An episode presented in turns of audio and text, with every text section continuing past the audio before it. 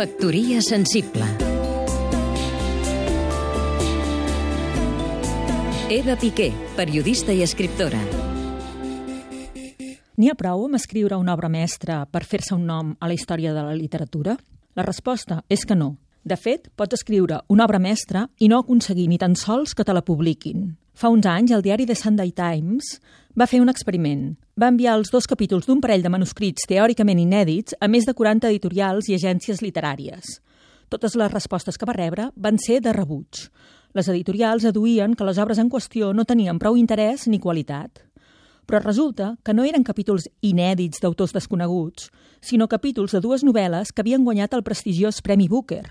L'autor d'una d'aquestes novel·les fins i tot havia rebut, agafant-nos fort, el Premi Nobel de Literatura. Però el 100% de les editorials van considerar que eren llibres que no mereixien ser publicats.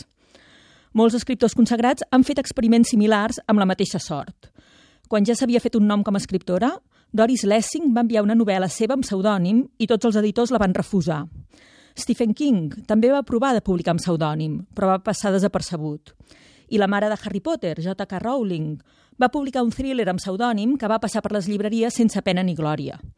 Això sí, quan es va saber que rere aquell llibre hi era ella, les vendes de l'obra es van multiplicar fins a l'infinit. Conclusió. Si aspires a publicar, t'has d'esforçar per escriure un bon llibre, però sobretot t'has d'esforçar per fer-te un nom. Això va així, ens agradi o no. Tota la resta és literatura. Factoria sensible Seguim-nos també a catradio.cat